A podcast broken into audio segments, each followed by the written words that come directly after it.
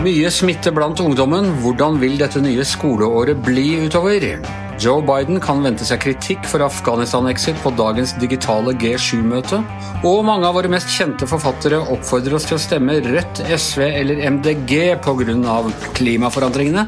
Dette er Gjever og gjengen. Det er tirsdag den 24. august. Ja, og aller først eh, Astrid Mæland. Vi betaler nå prisen for at vi ikke har fått eh, vaksinert eh, flere ungdommer. Det er stor smitte blant eh, ungdommer som har begynt på særlig videregående skole nå, er det ikke det?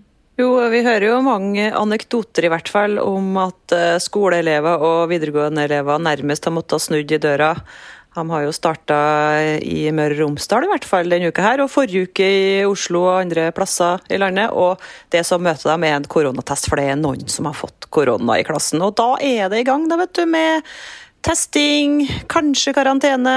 Noen må jo være hjemme hvis de er positiv test. Og det nye året er jo sånn grønt nivå på skolen, da. Sånn at eh, alt er åpent som vanlig, men du må eh, ta en test, og hvis den er negativ, så slipper du karantene. Men de som da er positive, altså hvis det er noen positive, så vil jo dette da fortsette å, å spre seg. Da vil jo R-en blant uh, skoleelever uh, bli ganske høy, men det virker som dette tar man med, med relativ fatning i, blant helsemyndighetene? Det er sant, eh, Anders. Virker som FHI har tatt det med ro i så langt. De har jo ikke gitt noe råd til Oslo for eksempel, om, å, om å stramme til. Det er jo bare Bergen som har gjort det, i hvert fall juridisk. Uh, og det er jo sant, det tåler mer smitte nå, for det blir, blir ikke innleggelse så fort. Det er vel kanskje rundt 50, eller er nærmere 60 nå, så det går mye bedre sånn sett. Men det, blir jo problematisk med det her store, store systemet med testing. Karantene for dem som er positive, og jeg ser jo allerede nå rundt i landet at det løses på forskjellige måter. At foreldre er litt forvirra. At skolene ikke har fått på plass dette testopplegget alle plassene. Det er jo hurtigtester det handler om. Spørsmålet om hva det skal skje. Skal de gjøre det sjøl på skolen? Det er meninga at de største elevene skal gjøre, men det er ikke alle som har klart å få det enda. Hva andre skal teste? Altså, det er litt masete, og jeg tror det er en del folk som kommer til å måtte eh, avlyse litt eh, ting framover fordi at uh, ungene får korona. Men en ting er De rent sånn praktiske avlysningene nå. Vil ikke dette da eh, spre seg da raskere og raskere, og stadig flere av de uvaksinerte vil få korona i løpet av ganske kjapp tid? Ja, det er jo nesten alle de her helsemyndighetene i Norden spår jo en sånn høstbølge. FHI gjør det, svenskene tror på det, danskene tror på det. Eh, så du har nok rett i det. Det er jo, som eh, han Nakstad sier, en eh, pandemi eller en epidemi blant de unge etter hvert, for de er jo uvaksinert. Og, han kaller det epidemi? Eh, ja, det skal jeg ikke si for sikkert hva Nakstad har sagt. Eh, men det er jo en del som går inn for å begynne å kalle det en epidemi heller enn pandemi etter hvert nå, for det er jo så mange som er vaksinert. Men det er en annen diskusjon. Men det er altså over én million under 18 år i Norge. Og så er det jo en god del som ikke har tatt vaksinen i de eldre aldersgruppene, så det er mer enn nok folk til å lage en ganske stor smittebølge, som vil etter hvert da føre til en god del innleggelser. Og store spørsmål er liksom hvor fort går det? Eh, kommer det til å bli eh, stress på sykehuset, eller går det bra? Et annet stort spørsmål er, vil man da måtte begynne å sette i gang med tiltak igjen? Ja, ikke sant. Det er jo allerede tiltak da i Bergen, og det går jo an å å, å, snakke om anbefalinger, men det som, de, som politikerne håper å unngå, de, de, nasjonale, tror jeg er nasjonale tiltak. Da, sånn at uh, den nye regjeringa som kommer etter 13.9, de håper jo helst at de skal slippe, slippe, store nasjonale tiltak. og Det kan jo godt hende at de slipper, men jeg tror helt sikkert at det blir Framover så vil det bli tiltak, i hvert fall lokalt, og du kan ikke se bort fra at det blir det nasjonalt heller, men det blir jo ikke så harde tiltak som, som det var, sånn som vi blitt vant til da, i mars 2021. Hva slags tiltak blir det? Nei, Det vet vi ikke, men det kan jo være mindre grupper som får samles, det kan jo være mer munnbind, det kan jo være mindre trengsel på butikker og kollektiv igjen. Masse tiltak som, vi har vært, vært kjent med tidligere. Hvor lenge skal denne forbanna pandemien holde på? Nei, Det er jo det viktigste nå er å få vaksinert uh, alle som vil vaksineres. Og heldigvis i Norge så er det jo så mange som vil vaksineres, så vi ligger jo ganske bra an. da, Men jeg har rett og slett ikke rukket å vaksinert alle sammen. og Nå er jo skolene åpne, og da blir det jo mer smitte. Må jo bare si at Gjever og gjengen er rammet, derfor dette voldsomme engasjement. Vi sitter nå tilbake på hvert vårt hjemmestudio fordi det er en smittete i, i eh, nær familie her, en, en, ung person. Ok, eh, tusen takk skal du ha, Astrid. Jeg ser at uh, dette fortsatt er et tema som dominerer uh, nyhetsbildet. Et annet stort tema er selvfølgelig da Afghanistan. Joe Biden fulgte jo egentlig da bare opp avtalen til Trump. Han, han, utsatte til og med tilbaketrekningen fra Afghanistan noe, men han har fått en voldsom kritikk, ikke minst for, de, for måten det er håndtert på, og at man tilsynelatende var uforberedt på at eh, Taliban skulle komme så raskt til makten igjen, og at eh, Kabul skulle eh, falle så raskt. I dag så skal han møte de andre toppene på G7-møtet. Stiller han nå relativt svakt? Altså Hans autoritet som den frie verdens leder, er den nå svekket foran dette møtet, Per Olav? Ja, tilliten til eh, Biden er eh, nok svekket altså i forhold til hvordan det var i sommer, hvor han jo reiste til Europa og snakket om at Amerika er tilbake. Nå skulle han reparere disse, disse forholdet da, som, det som hadde gått i stykker i forholdet eh, under, med de fire årene med Trump. Nå skulle han eh, sørge for å gjenopprette det som hadde vært så bra, og styrke det på nytt. og, og, og han reiste jo, var på Nato-møter og, og, reiste rundt i Europa og sa det samme. Eh, og eh, det vi hører i dag, er jo eh, Og det jeg tror som kommer til å komme fram på dette G7-møtet, er en kritikk av hvordan dette ble gjennomført. At Biden valgte å sette en dato og eh, tok med seg eh, de allierte egentlig i det totale nederlag som dette ble. Eh, den siste fasen som ble en ydmykende retrett på veldig mange måter. Og så det da, blir det stilt spørsmål i Europa om man kan da stole på amerikanske sikkerhetsgarantier, om Europa bør ta større del av sikkerheten, av sin egen ansvar for sin egen sikkerhet. Dette er jo ikke noen ny debatt. Eh, og vi ser at kritikken øker mot ham, både blant de allierte og også i USA. For første gang så er eh, det færre enn halvparten av amerikanerne som sier han gjør en god jobb. Er det en eh, rettferdig eller urettferdig kritikk? Det, det er en rettferdig kritikk i den grad at det var åpenbart at eh, administrasjonen av Biden ikke var forberedt på hvor raskt dette kunne gå galt, og hvor eh, altså planen for hvordan en retrett skulle skje, var eh, for dårlig forberedt for den, at man ikke forsto den situasjonen på bakken, til tross for at man burde ha Altså Man både forvente at de skulle ha den etterretning og kunnskap om hva som kunne gå galt. I hvert fall i sånn worst case-scenario, eh, og at man da ikke tok tilstrekkelig hensyn til det. Men når det er sagt, så er det klart at det, store, det store flertall i den amerikanske befolkningen, også i den amerikanske kongressen, var jo tilhengere av nå å avslutte eh, engasjementet i eh, Afghanistan. Og Nato-landene var jo selv med på det siste toppmøtet og underskriver på en måte at nå, nå forlater vi Afghanistan sammen. Og det var ikke noen åpenbare protester der. Men når når det går så galt som det går, så er det klart da er det mange som vil gjerne legge ansvaret på den ledende aktør i dette spillet, eh, og det er da Biden. Så eh, nå forsøker de jo å drive, litt, å drive skadekontroll, da, eh, på mange måter. Da Biden ble, valgt i fjor, så tok europeiske statsledere og Europaparlamentet og Nato-toppene omtrent alle tok bølgen og nå skulle alt bli så jevnt og, og fint igjen. Vil han klare, Har han mulighet til å gjenopprette den tilliten, eller har dette gjort ubotelig skade på hans presidentskap når det kommer til forholdet til særlig Europa? Jeg tror det som skjedde i Kabul, og som fortsatt pågår, kommer til å hjemsøke han i disse årene som president. Men jeg tror ikke at skaden er uopprettelig. Jeg tror det er en eh, Det kommer til å være en, eh, et, et, et mørkt kapittel, men jeg tror ikke det er uopprettelig. Eh, man skal huske huske på at eh, Biden har jo sagt veldig mye av det som europeiske og andre allierte ønsket å høre etter at han tok over som president. Det som nå, skjedd, det som nå skjedde i handling i Afghanistan, det har ikke imponert noen. Tvert om. Det har ført til veldig mye uro og usikkerhet blant allierte. Men jeg tror ikke dette er uopprettelig. Det tror jeg på ingen måte det er. Og jeg tror kanskje vi vil se at det blir viktig for Biden og hans folk å fokusere på nettopp disse USAs allierte både i Europa, men også i Asia.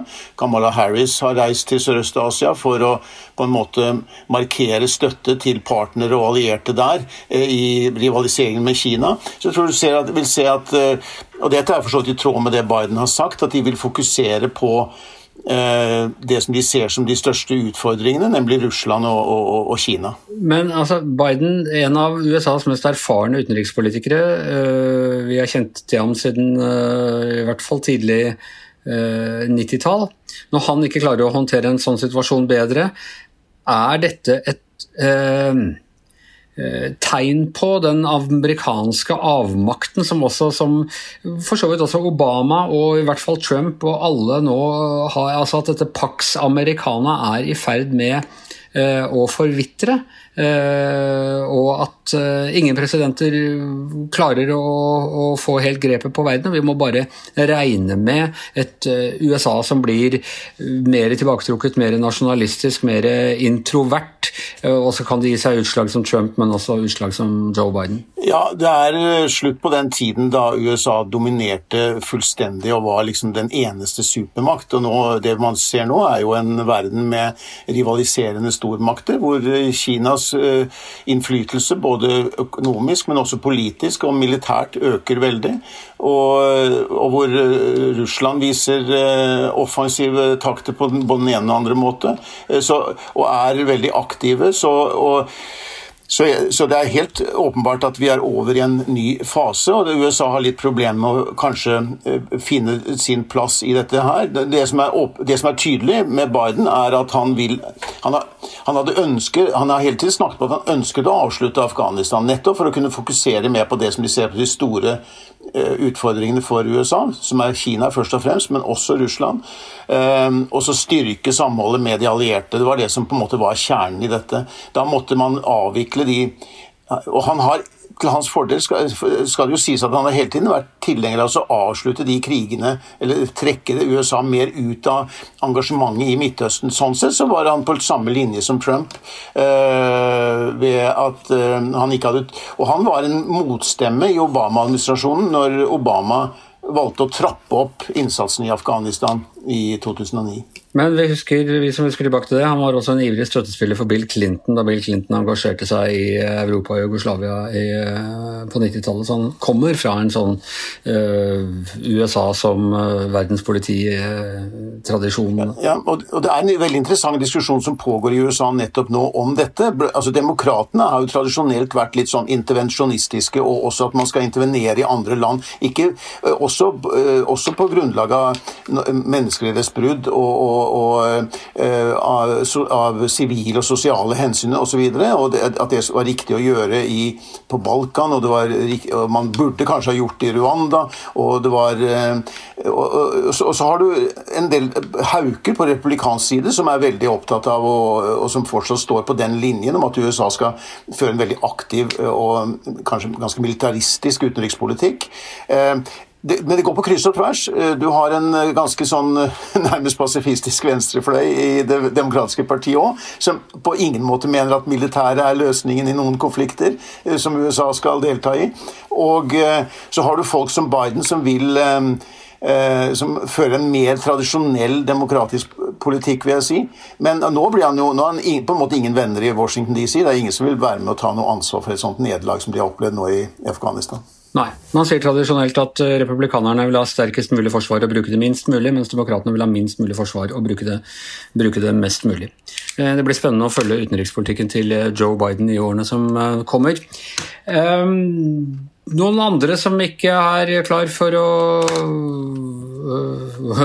skal si, signaliserer sin avmakt, det er norske forfattere, Hans Petter Sjøli. Altså, I sin tid så var Forfatterforeningen et, hva skal si, et urosentrum i norsk offentlighet. På, på 70- og delvis 80-tallet var uh, stadig kraftige uttalelser fra Forfatterforeningen. Var, var kuppet av dine gamle venner i Arbeidernes Kommunistparti en periode på 80-tallet. og uh, de uttalte seg om det aller meste. Det har vært ganske stille fra forfatterne ganske lenge. Men nå øh, kommer det altså et opprop hvor noen av våre mest kjente forfattere, bl.a. da øh, Karl Ove Knausgård, Anne Holt øh, og flere, oppfordrer folk til å stemme på Rødt, SV eller MDG pga. Pga. klimapolitikken, og, og, så vidt jeg skjønner, så, så, tar de da utgangspunkt i hva Naturvernforbundet har sagt om, om de forskjellige partiene. Hvor, eh, hvor, hvilken betydning tror du dette vil komme til å få? Uh, vi må ta med Jon Nesbø, uh, og, det også, ja. og, det, og, det er også, partiet Venstre, da, som også defineres som et klima- og naturparti her. Så det er ikke bare venstre. Ja, selvfølgelig, ja.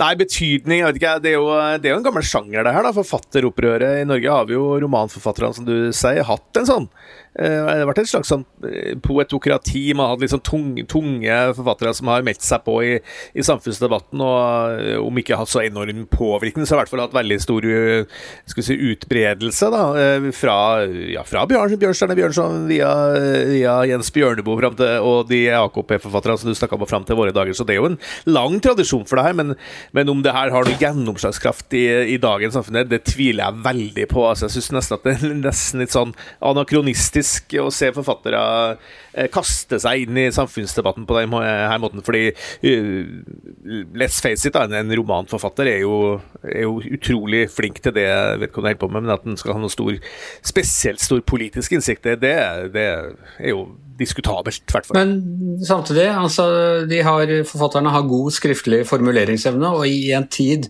hvor retorikk har ganske mye å si, og veldig mye går på å krangle på Facebook f.eks. Og ja, du, du, sitter jo som debattredaktør og, og må, ha, må, ha, sterk tro på, på ordets makt så er det vel ikke likegyldig hvordan forfatterne kan bidra med retorisk ammunisjon til en betent politisk debatt? Eh, nei da, og, og, oppropet her er jo godt skrevet og, og virkelig sånn uh, faktabasert også. Du sier fra Naturvernforbundet, også hun Anne Tygeson, hun biologen som er, som er Sverdrup, som, er med på oppropet, gir jo det en stor sånn faglig tyngde også. Så, så, det er ikke bare noen sånne forfattere som har samla seg over ei flaske vin, og så nå skal vi koke opp et opprop. Det her er, er virkelig ektefølt, og det er, det er en solid argumentert. Men spørsmålet er liksom hvorvidt og, og, altså bare for å si Det en gang det er mye bedre at forfatterne engasjerer seg i samfunnsdebatten enn at de bare trekker seg helt tilbake i, i sine kamre. Men, men, spørsmålet er om, om hvorvidt eh, Ja, ha, har de noe påvirkningskraft overfor de usikre velgerne? Vil noen si at nei, må stemme Miljøpartiet De Grønne fordi Anne Holt sier jeg skal gjøre det? Eh, og hvorfor i all verden skal egentlig en forfatter ha noe så mye større skal vi si, tyngde i debatten enn en, en hvilken som helst annen uh, yrkesgruppe. Så, så ja. Jeg, jeg syns jo Det går jo masse Det er jo en enorm debatt egentlig her. ikke sant? Hva, hva, har de intellektuelle, har forfatterne noe større politisk innsikt enn de andre? Har de egentlig noe å bidra med i den store samtalen, eller i hvert fall i det, i det realpolitiske? da. Og Vi har jo masse masse eksempler på forfattere som har tråkka feil opp igjen med historien også. Så, så om, om, om, det her er en uh, yrkesgruppe eller en, en gruppe innenfor kunstnerne som vi skal lytte noe mer på de andre, det, det, ja, det er i hvert fall mulig å diskutere. Da. Men om det ikke kan bli lyttet mer til, så kan det være verdt å, å lytte til dem. og det, altså, som du sier, det, altså, det, er jo en tradisjon for å forfattere mer enn uh, en kanskje kunstmalere eller ballettdansere eller andre, uh, andre kunsttyper. og som du også sier, noen av dem har trukket, trukket veldig feil, og Knut Hamsun og jeg vet ikke hva. Men, uh, men det er altså forfattere som har uh, ledet an og vært ledende stemme. Tenke på en, en fyr som Jens Bjørneboe. Uh, I dag kan man mene mye rart om en del av de tingene. Utrolig premissleverandør for i hvert fall noen av oss på, på 70-tallet. Og, og jeg vil jo kunne tro at når altså Hvis du er veldig glad i Karl Ove Knausgard, han, han skriver jo også essays og øh, kronikker og, og, og, sånn, så kan du Kan hans engasjement og hans måte å argumentere på være med å påvirke deg også? Ja da, og vet jo ikke det, er Den saken vi, vi, la ut den her på VG i morges, og den har blitt lest utrolig mange. Jeg så litt i kommentarfeltet, der var sånn ha disse dumme forfatterne og sånn, men, men eh, så, saken har jo et visst gjennomslag, og det er jo, det er jo store navn her. Jo, Nesbø er jo et enormt stort navn, Knausgård selvfølgelig, så Maja Lunde, sant, som skrev Bienes historie, enormt uh, gjennomslag i både Norge og internasjonalt, så, så det er tunge navn, da. Uh, ja, jeg, jeg, sier ja takk, ja for eh, engasjementet, og så kan vi kanskje kløse litt i hodet over kanskje om det har noe, noe spesielt og, og ja, gjennomslagskraft, eller om politikerne tenker noe oh shit, de har et poeng, liksom. Uh, det vet jeg ikke. Men det er jo kanskje særlig en del velgere som, som vipper litt fram og tilbake og tenker at uh, at skal vi da stemme trygt og Høyre i Arbeiderpartiet, eller skal vi nå liksom gå til noe mer radikale alternativ for å liksom sette, si at vi nå lever i en tid hvor det trengs et vendepunkt, da, som de skriver i det oppropet? Ja, og det hadde vært interessant å høre hva oljearbeidere mener, og hva, hva rørleggere for den saks skyld mener. og i Det hele tatt. Det er, det er, et stort og omfattende spørsmål som burde engasjere oss alle. Det kan vi være enige om. Det er sånn passe diplomatisk sagt, er det ikke? jo da, og så kunne vi jo selvfølgelig ha det artig, og vi har også diskutert litt om, om f.eks. det som eh, forfatteren, kanskje den største forfatteren i Norge av alle, Dag Solstad, sa på sitt da han ble intervjua i forbindelse med sånn 80-årsfeiring. 80 uh, men vi tror kanskje vi lar den ligge nå, så tar vi det med en annen anledning. Ja. Gjever og gjengen er over for denne gangen. Det er akkurat nok tid igjen til å minne om at vi har et nytt uh, live-event uh, på uh, bakgården, Baren bakgården på Grünerløkka, Torvald Meyers gate, nå førstkommende torsdag klokka 18. Dit kommer Kadafi Saman fra TV 2. Dit kommer kanskje Abid Raja, hvis han er frisk igjen, kulturminister. Dit kommer Shazia Maid, Hanne Skartvedt og jeg fra gjengen. Så um, kom dere dit, de, uh, dere også. Det er ikke noe billetter eller noe sånt. Det er bare å, stille opp og kanskje være litt tidlig ute hvis man er helt sikker på å få plass. For forrige gang så ble det helt fullt. Da er det takk til Per Olav Ødegaard, Hans Petter Sjøli, Astrid Mæland, jeg som heter Anders Giæver, og til mannen som underskriver, underskriver vårt daglige opprop i form av sin produksjon, Magne Antonsen.